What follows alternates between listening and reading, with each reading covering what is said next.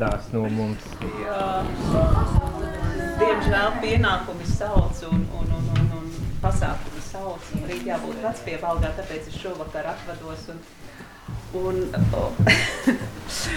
un tik brīnišķīgu grupiņu tā kā šo, tik muzikālu man vispār nav nācies savā svētcenieku mūžā satikt. Un jūs tiešām esat visi fantastiski, visi brīnišķīgi. Un man liekas, ka man Ginta uzdeva pirms mirkļa jautājumu, kā var aiziet bez stulsnām. Un es domāju, ka tas ir e, ka tik, nu, tik, tik skaisti un tik mīļi un tik labi cilvēki apkārt. Tā arī ir. Tās stulsas pilnīgi nejūt. Un, un uz atvadām es gribēju jums visiem novēlēt vienu tādu dziesmiņu.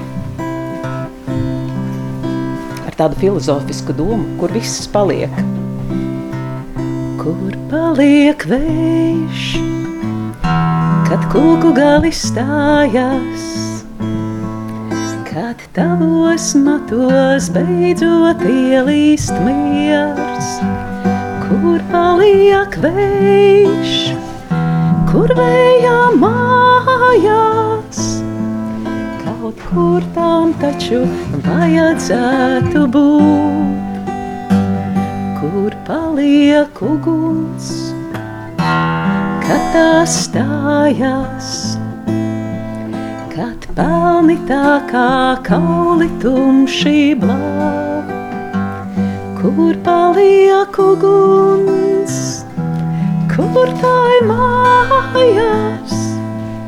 Es neticu, ka aiz pelniem nekā nav, kur paliek dziesmā kad tā stājās, kad klusums kā ar nazi ausīs griež, kur paliek dziesmā, kur tā ir mājās. Varbūt tepat kaut kur droši vien, kur paliek cilvēks kad tas stājās, kad nāvei beidzot viņš ir kļuvis brīvs, kur paliek cilvēks, kur tā mājās. Ak, tās dot atgriezties pie tevis debesīs,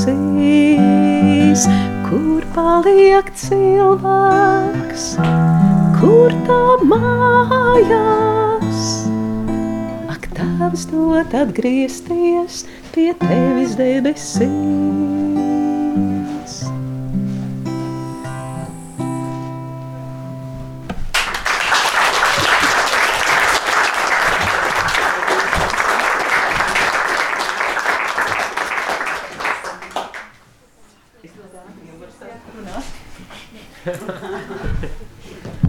Tad, pirms, pirms sāku runāt par pašu galveno tēmu, man eh, vakardienas nepateica, es jau principā mīlu ar kādu joku ielikt savā runā, bet kaut kā sanāca tā, laikam, spēka trūkuma dēļ. Es nespēju padomāt, un tādēļ nav joka, bet priekš vakardienas man bija viens joks paredzēts. Uh, bet tā vēl nav īstā tēma. Uh, uh, un joks, tas, to, protams, drusku no jēzuītu dzīves, tas ir, bet par brīvību, par brīvību. Un joks ir sekojošs, divi jēzuīti savā starpā sarunājas. Un uh, vecākais jēzuīts dod jaunākam padomu, un viņš saka tā, klausies, Jānīt, pirmkārt, tu neesi Dievs, otrkārt, šeit nav debesis, un treškārt, neesi ēzelis. Tas par brīvību. Jo mums vienam otru jārespektē, un nevajag iedomāties, ka mēs esam pāri uh, viens otram vai ka esam dievi. Nu, tāds praktisks jociņš, es domāju, ļoti labi noder atcerēties to. Bet šīs dienas tēma, uh, Māri, tu ieslīdzi jau? Jā. Pazuda Māri. Ā, burvīgi. Uh, šīs dienas tēma.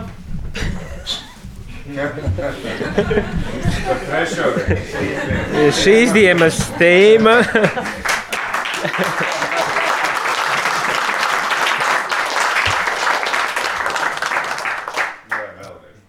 tāda dvēseles un miesas vienība, ja es nemaldos. Vismaz tā kaut kā bija teikts. Un uzreiz droši vien vajadzētu arī pateikt, un varbūt tā šī būs viena no tām reizēm, kad es pieminu to, to kad uh, cilvēks ir radīts pēc dieva attēla un līdzības. Ar dvēseli un miesu vienotā veselumā un nešķiramus turklāt.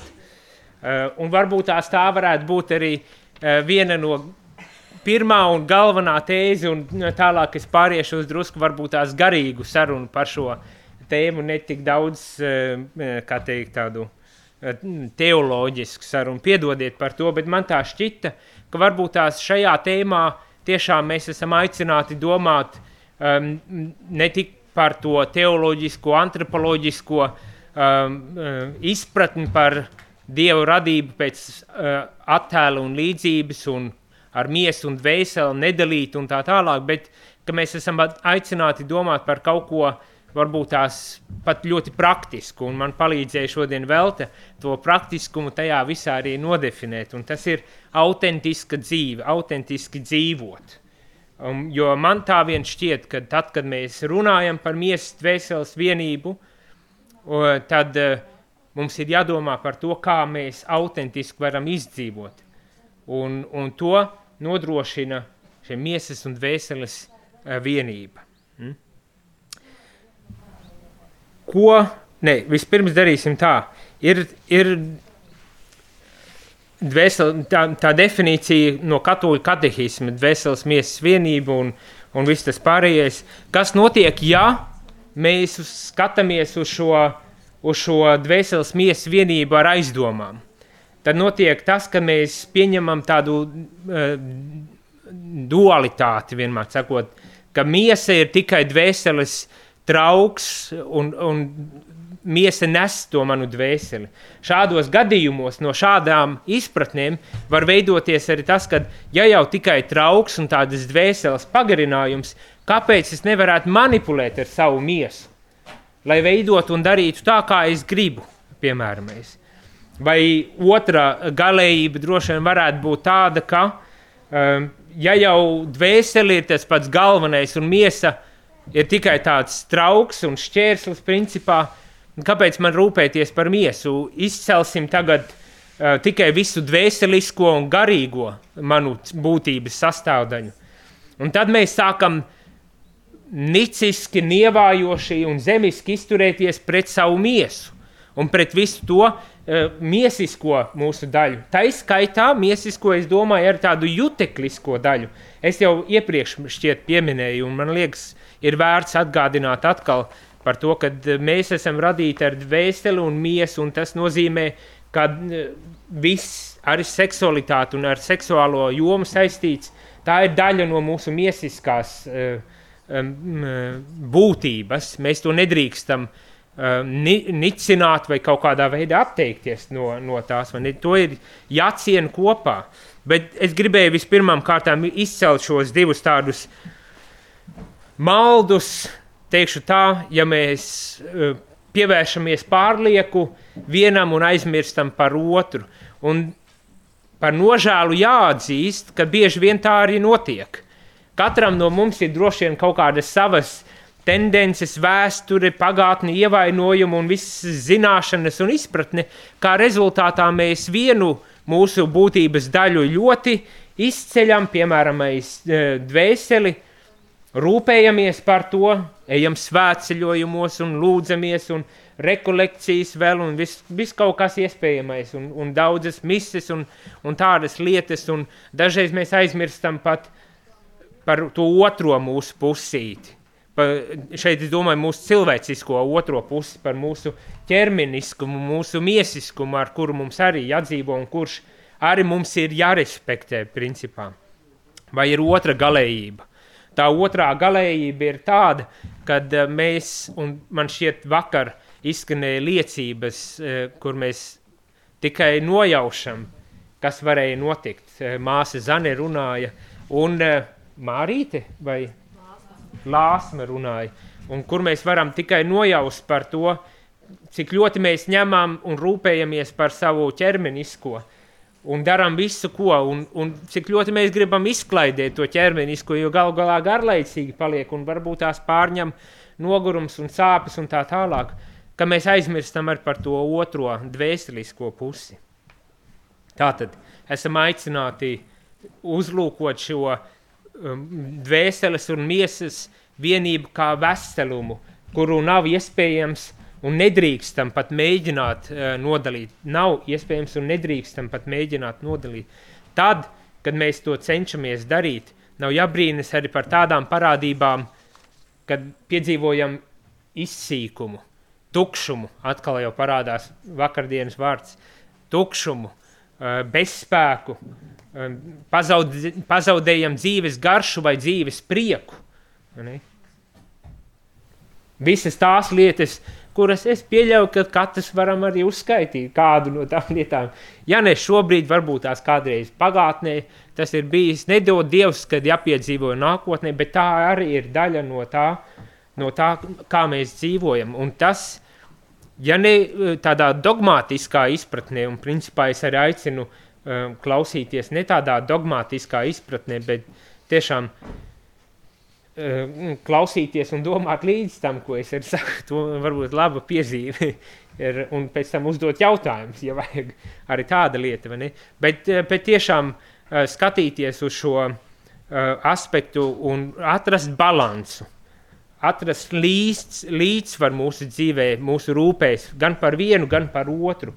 Lai tiešām nebūtu tā, ka rūpēs par dvēseli, es pazaudēju uh, cilvēcību, un, vai otrādi rūpējoties par miesisko, cilvēcisko pazaudēju dvēseli.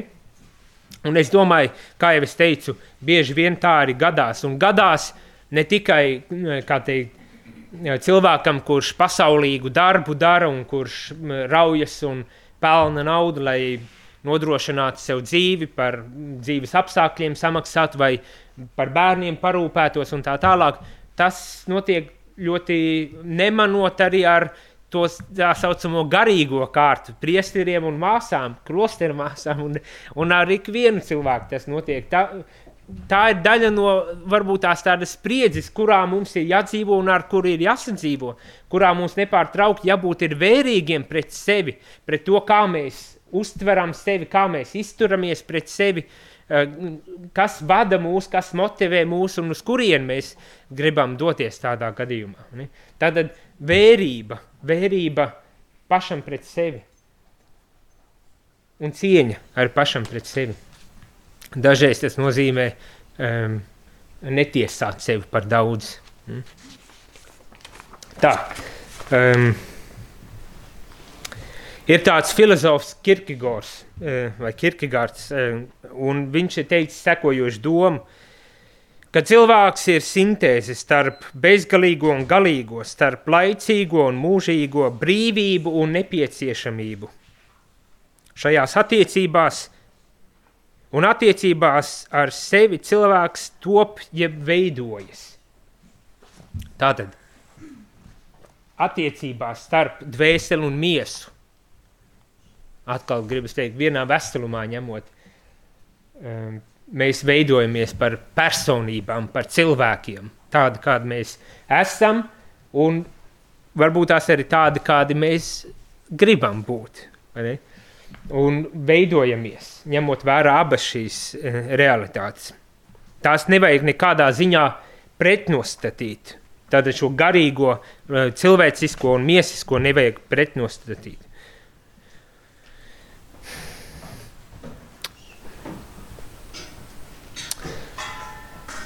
Es atkārtošos, vēl, varbūt tās vēl kādu reizi, uzsverot dažas domas.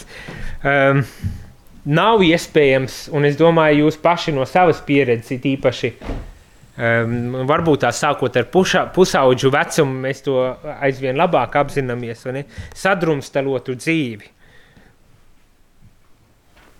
Mums ir vajadzīga šī vienotība un autentiska dzīve, ko varētu nosaukt par autentisku dzīvi, kur abas realitātes miesiskā un dvēseliskā ir kopā.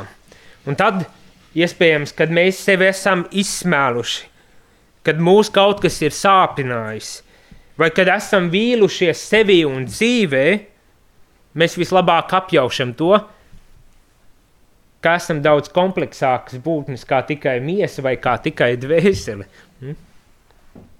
Labi, ja tajos brīžos tiešām atskāršam, ka esam piemirsuši kādu ļoti būtisku uh, savu, savu personības, savas persi, uh, esības daļu.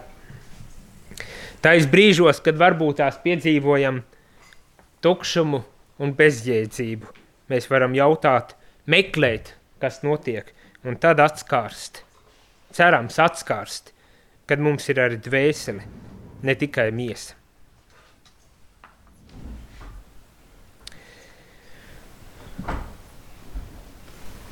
Ir tā, ir īpaši, kad teikt, mūsdienu tādā sabiedrībā un, un kaut kādā mērā šķiet arī pat ticīgo tādā kontekstā sabiedrībā, šķiet, ka ir tik ļoti nērti runāt par dvēseli. Tik nērti runāt, jo tā ir netverama un, un netaustāma. Um, tā bieži vien varbūt tās izbiedē mūs, varbūt tās pilnīgi nobiedē mūs. Psihologs Jungs ir teicis uh, tādu domu, ka cilvēks ir gatavs darīt jebko, pat absurdas lietas, lai tikai nevajadzētu sastapt savu dvēseli. Iespējams, tādēļ, ka netic, ka tajā var būt kaut kas labs, vai arī vienkārši baidās sastapt to, ko neaptver un nenojauš pat vēl. Un šeit droši vien varētu domāt arī par to, ka negribam skatīties uz patiesību, kad mūsos ir gan labais, gan ļaunais. Hm? Atpazīt to realitātes daļu arī.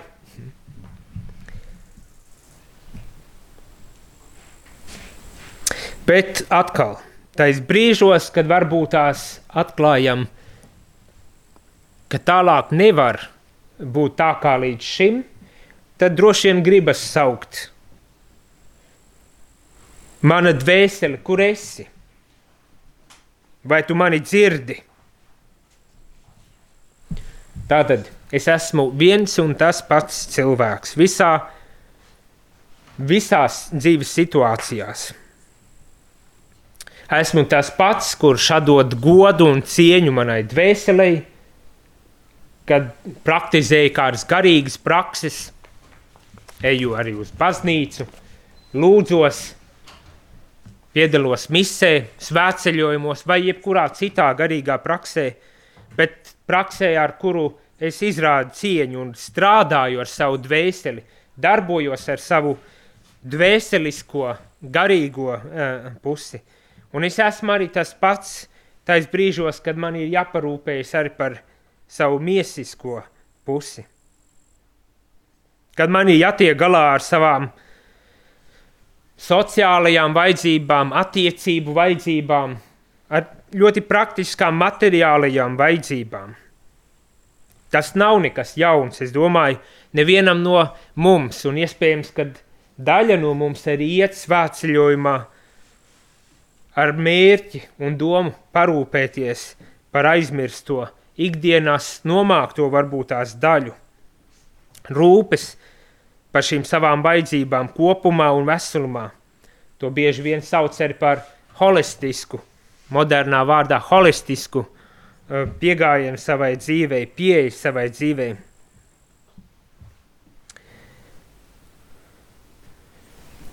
Gribas arī teikt, ka, kad mēs jau aizējam, uh, runājam par to, kā parūpēties par savu garīgo dzīvi vai veselumā, holistiski, uh, aplūkot sevi un rūpēties par sevi, tas kļūst aizvien populārāk, bet bieži vien aizvien grūtāk pieejams tik tādēļ vien, kad ir tik daudz jāmaksā un tik daudz jāiegulda līdzekļi, lai būtu aizsniedzama šī palīdzība vai šis atbalsts savā garīgajā ceļā. Un tomēr mums ir sava meklējuma un katram no mums ir jāatrod veids, kā mēs varam parūpēties par sevi.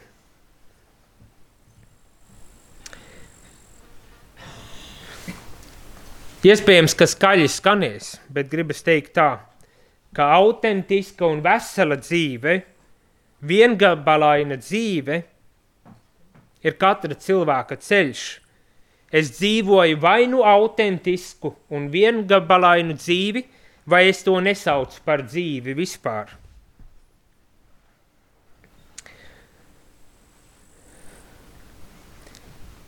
Domājot par autentiskumu,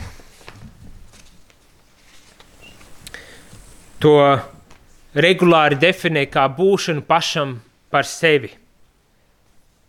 Esam daudz dzirdējuši tādus izteicienus, kā esi, kas tu esi.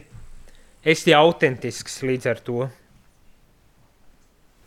Bet, lai es būtu tāds, kāds es esmu, lai es būtu tas, kas es esmu, autentisks, man vajag atpazīt pašam sevi, pazīt un iepazīt pašam sevi un būt par savas dzīves un personības pārvaldnieku. Un tas ietver spēju būt pašam ar sevi, novērot, saprast, pieņemt, mainīties, laboties, pilnveidoties, bet arī tādas lietas kā priecāties par sevi. Un ieguldīt sevi tajā, kas man ļauj neapstāties, bet iet šo autentiskuma ceļu.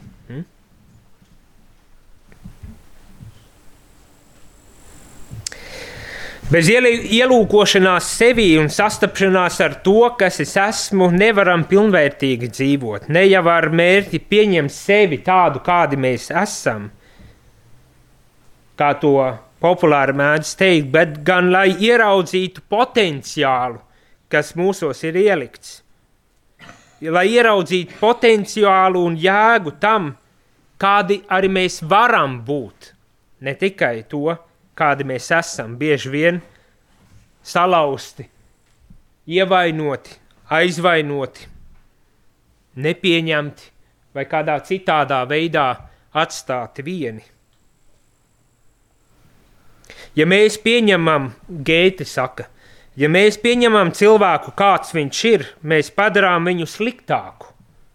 Bet ja mēs uzlūkojam cilvēku kā, kā tādu, kādam viņam ir potenciāls būt, un kādam viņam iespējams pat būtu jābūt, mēs darām viņu spējīgu kļūt par to, kas viņš var būt. Un iespējams tajā vien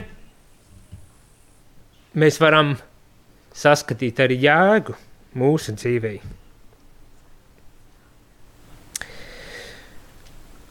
Varbūt tās dažas beidzamās atziņas ir par to, ka uh,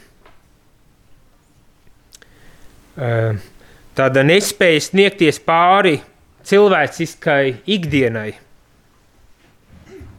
nespēja sniegties pāri tikai cilvēcīgajam, pretī ideāliem, un mērķiem ierobežo un apspiež mūsu dvēseli.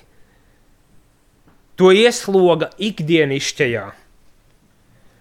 Līdz beidzot mēs varam atskārt, ka zaudējam jebkādu dzīvību, jebkādu motivāciju vai jēgu, ja mēs paliekam tikai ikdienišķajā un miesiskajā realitātē. Tikai apvienošanās ar dvēseli, miesas apvienošana ar dvēseli, ļaušanās gara darbībai, cieņa pret miesisko un fizisko manu dzīves realitāti, realitāti ļauj man izkļūt no kādiem cietumiem, kuros dažkārt mēs ieslodzām paši sevi. Zente Mauriņa ir teikusi tādu atziņu kad eh, veselums un autentiskums, par ko es cenšos šobrīd runāt, eh, var būt izteikts arī sekojošā veidā. Šī dzīve ir vienīgā, kas mums pieder, un mums jāprot šis augstākais dārgums glabāt. Mums jāprot kaut ko no tā izveidot. Es domāju, gudrs ir tas, kas dzīvo tā, lai viņa ārējā dzīve saskanētu ar viņa iekšējo ilgoto, lai viņa lūpas runātu to pašu valodu, ko viņa sirds.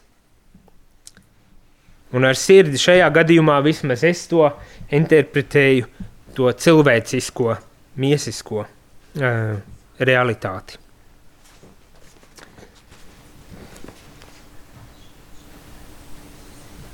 Tā. Iespējams, tas, tas, tas ir viss, ko es gribu teikt, bet jautājums, kā saglabāt autentiskumu, iespējams, būtu beidzamais, ko vajadzētu uzdot. Bet kā man būt autentiskam? Es jau minēju dažus aspektus, bet šeit man ir vēl pierakstīti daži, kurus atļaušos nolasīt. Atkārtošos, iespējams, atkal.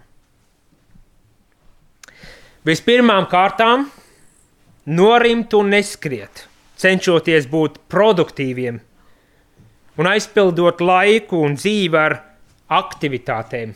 Un tas ir, manuprāt, numur viens visās profesijās, tā skaitā garīgajā uh, darbā. Un cik es dzirdu, arī Rādio Marija komandā.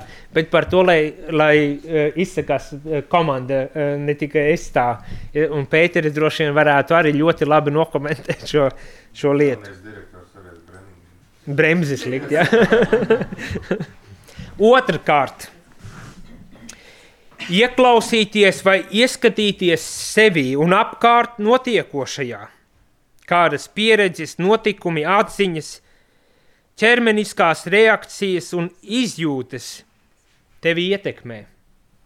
Tas ir tas, par ko es arī vakar jau runāju, runājot par brīvību, un ka mums ir jāatrod iekšējā brīvība, lai spētu izvērtēt tās iekšējās kustības, tas viss, kas notiek mūsos, apstāties, lai spētu vispirmām kārtām jau saprast, kas notiek ar mani. Treškārt, jautāt sev, kāpēc kaut kas tevi, tevi aizkustina, aizrauj, motivē, bet kaut kas cits tevi atgrūž un izraisa nemieru, nepatiku, iespējams pat riebumu. Un šeit jāpiebilst, ka nevajag moralizēt. Nevajag nosodīt šīs iekšējās kustības, darbības, emocijas, bet tik vienkārši kā apzināties, no kurienes tās nāk un uz kurieni tās ved, jo pašas par sevi tās nav ne sliktas, ne labas. Un ceturtkārt, mācīties no šīm pieredzēm un iekšējām kustībām kaut ko par sevi, par pasauli, ap tevi, iespējams arī par Dievu, kurš mūs ir radījis pēc savas līdzības un attēla. Un tad ar lielāku apziņu un izpratni pieņemt vajadzīgos dzīves lēmumus un dzīvot apzinātu un autentisku dzīvi. Šķiet, ar to es arī noslēgšu. ja ir jautājumi, atkal.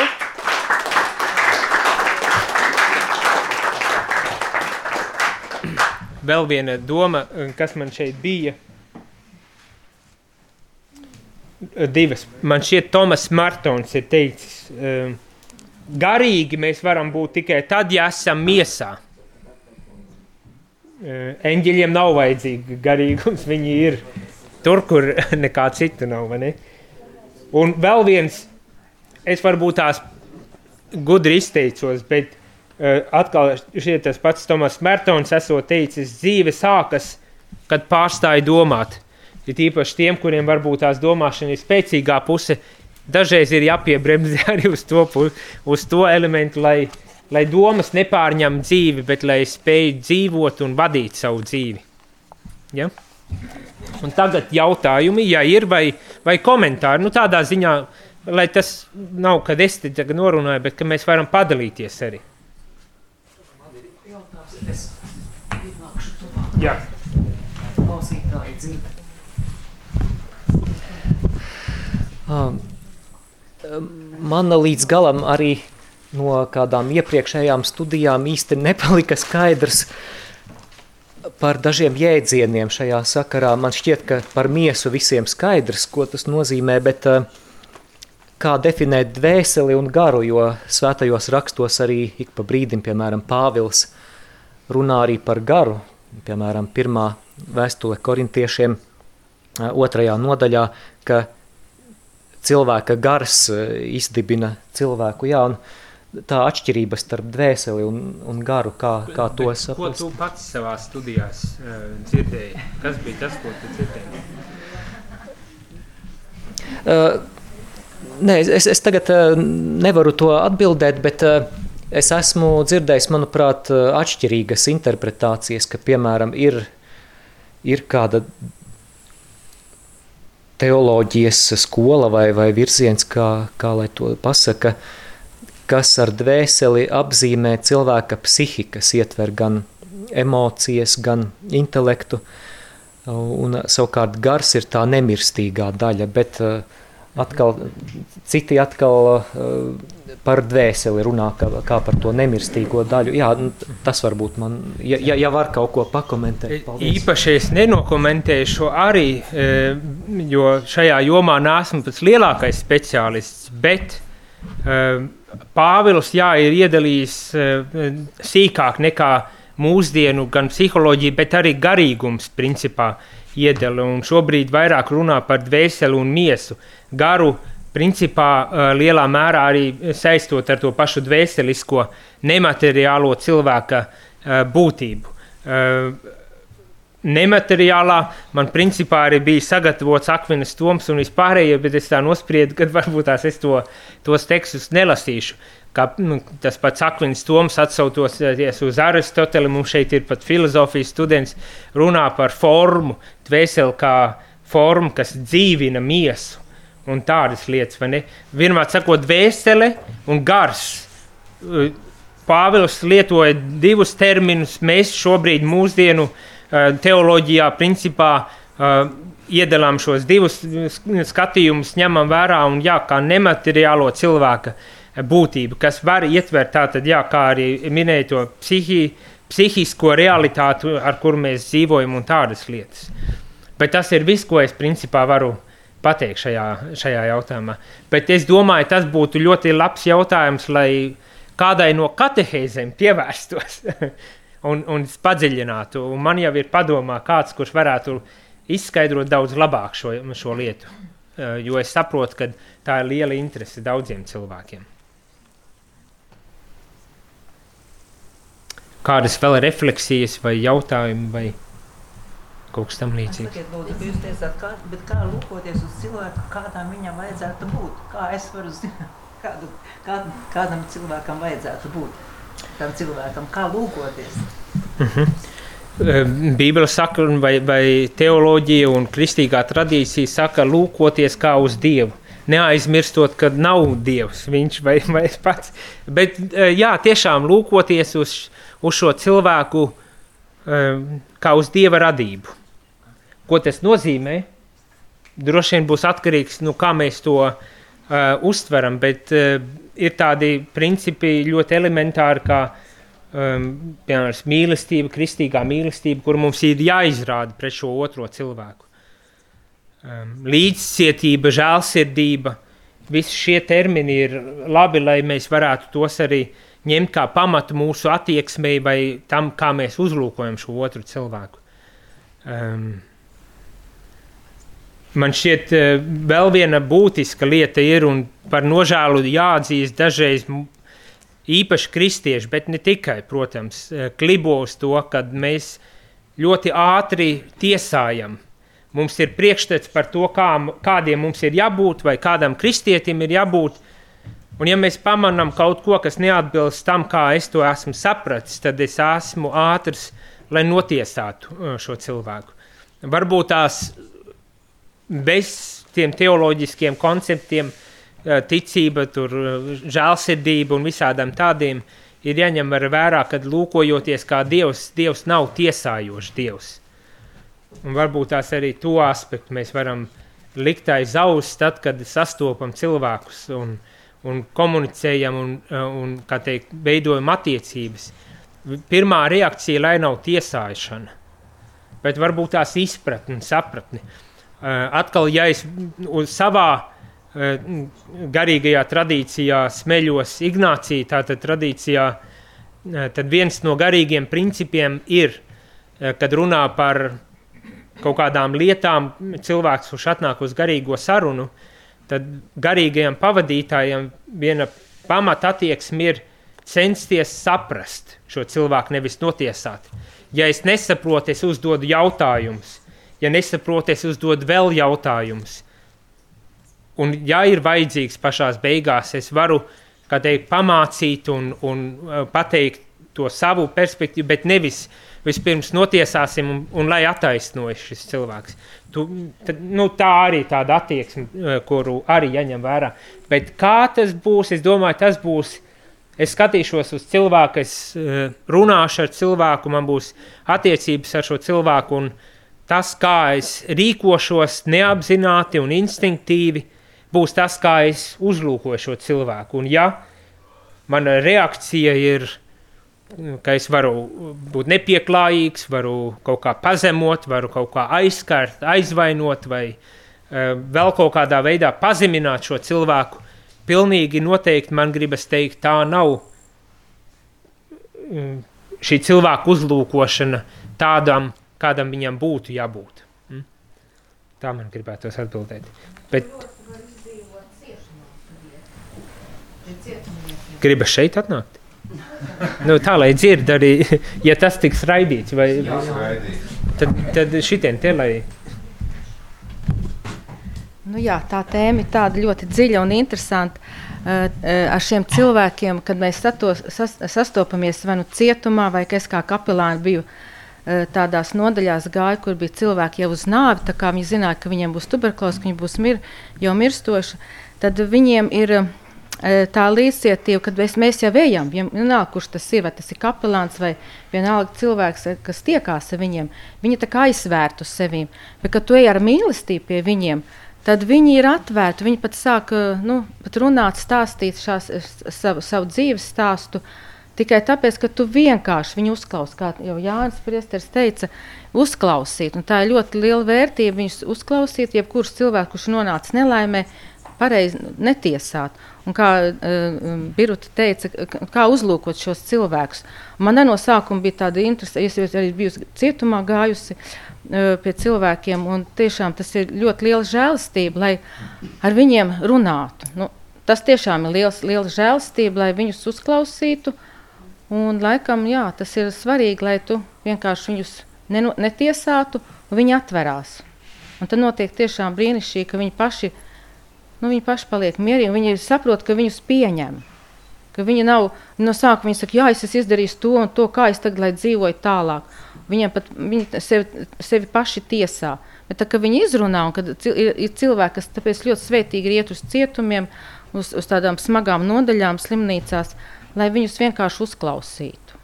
Nu, jā, tas, ir tas, tas ir tas cilvēciskais, ka mēs viņus paceļam augstāk nu, nekā viņi tur ir iegrimuši kaut kādā savā nu, nu, tādā, tādā situācijā, kur viņi ir iekšā. Ja? Un, un viņiem ir dzīves, dzīves tāds nu, gribas spēks dzīvot tālāk, nu, tie, kas ir cietumā, piemēram. Ja? Bijusi sieviešu cietumā. Tad tiešām tas ir, nu, tas, ir, tas, ir, tas ir vērtīgi pie viņiem iet un viņus uzklausīt un celt viņus ārā dzīvē.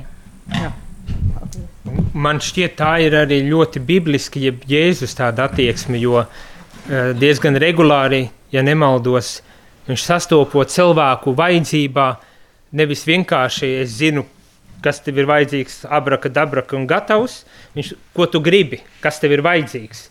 Un tad, kad cilvēks atbildēja, man ir slimība, man vajag dziedināšanu, es kurls vai akls, klibus un tīzls, un man vajag palīdzību. Tad Jēzus kāja un darīja. Tāpat tās arī mums jādara.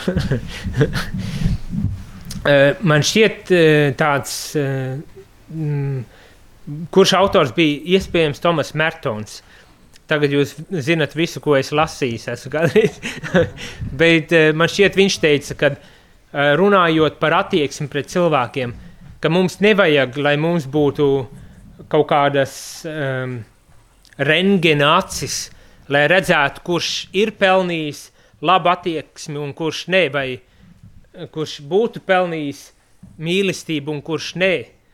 Tas nav tas, ko Jēzus mums uzticēja. Viņš teica, mīli. Nevis vispirms dabū tehnoloģiju, lai redzētu cauri, un tad, ja būs pelnījis, viņš tā nedarīja, un viņš ar mums tā ne, neliek darīt. Ne? Un varbūt tās tais brīžos, kad šķiet kāds konkrēts cilvēks nav pelnījis mīlestību, iespējams, ka tas tieši ir tas brīdis, ka viņam visvairāk ir vajadzīga tā mīlestība. Un tad neatņemt to, uzlūkot viņu ar tādu mīlestību. Hm? Bet, lai to varētu darīt, tad jau tev pašam arī kaut kā jāaug jāpamainās. Bingo! Jā, tev pašam ir jābūt tādam pašam cilvēkam ar miesu un dvēseli, pēc dieva attēla un līdzības, un jādzīvo kā tāda lieliski. pašam arī jābūt dieva bērnam. Paldies!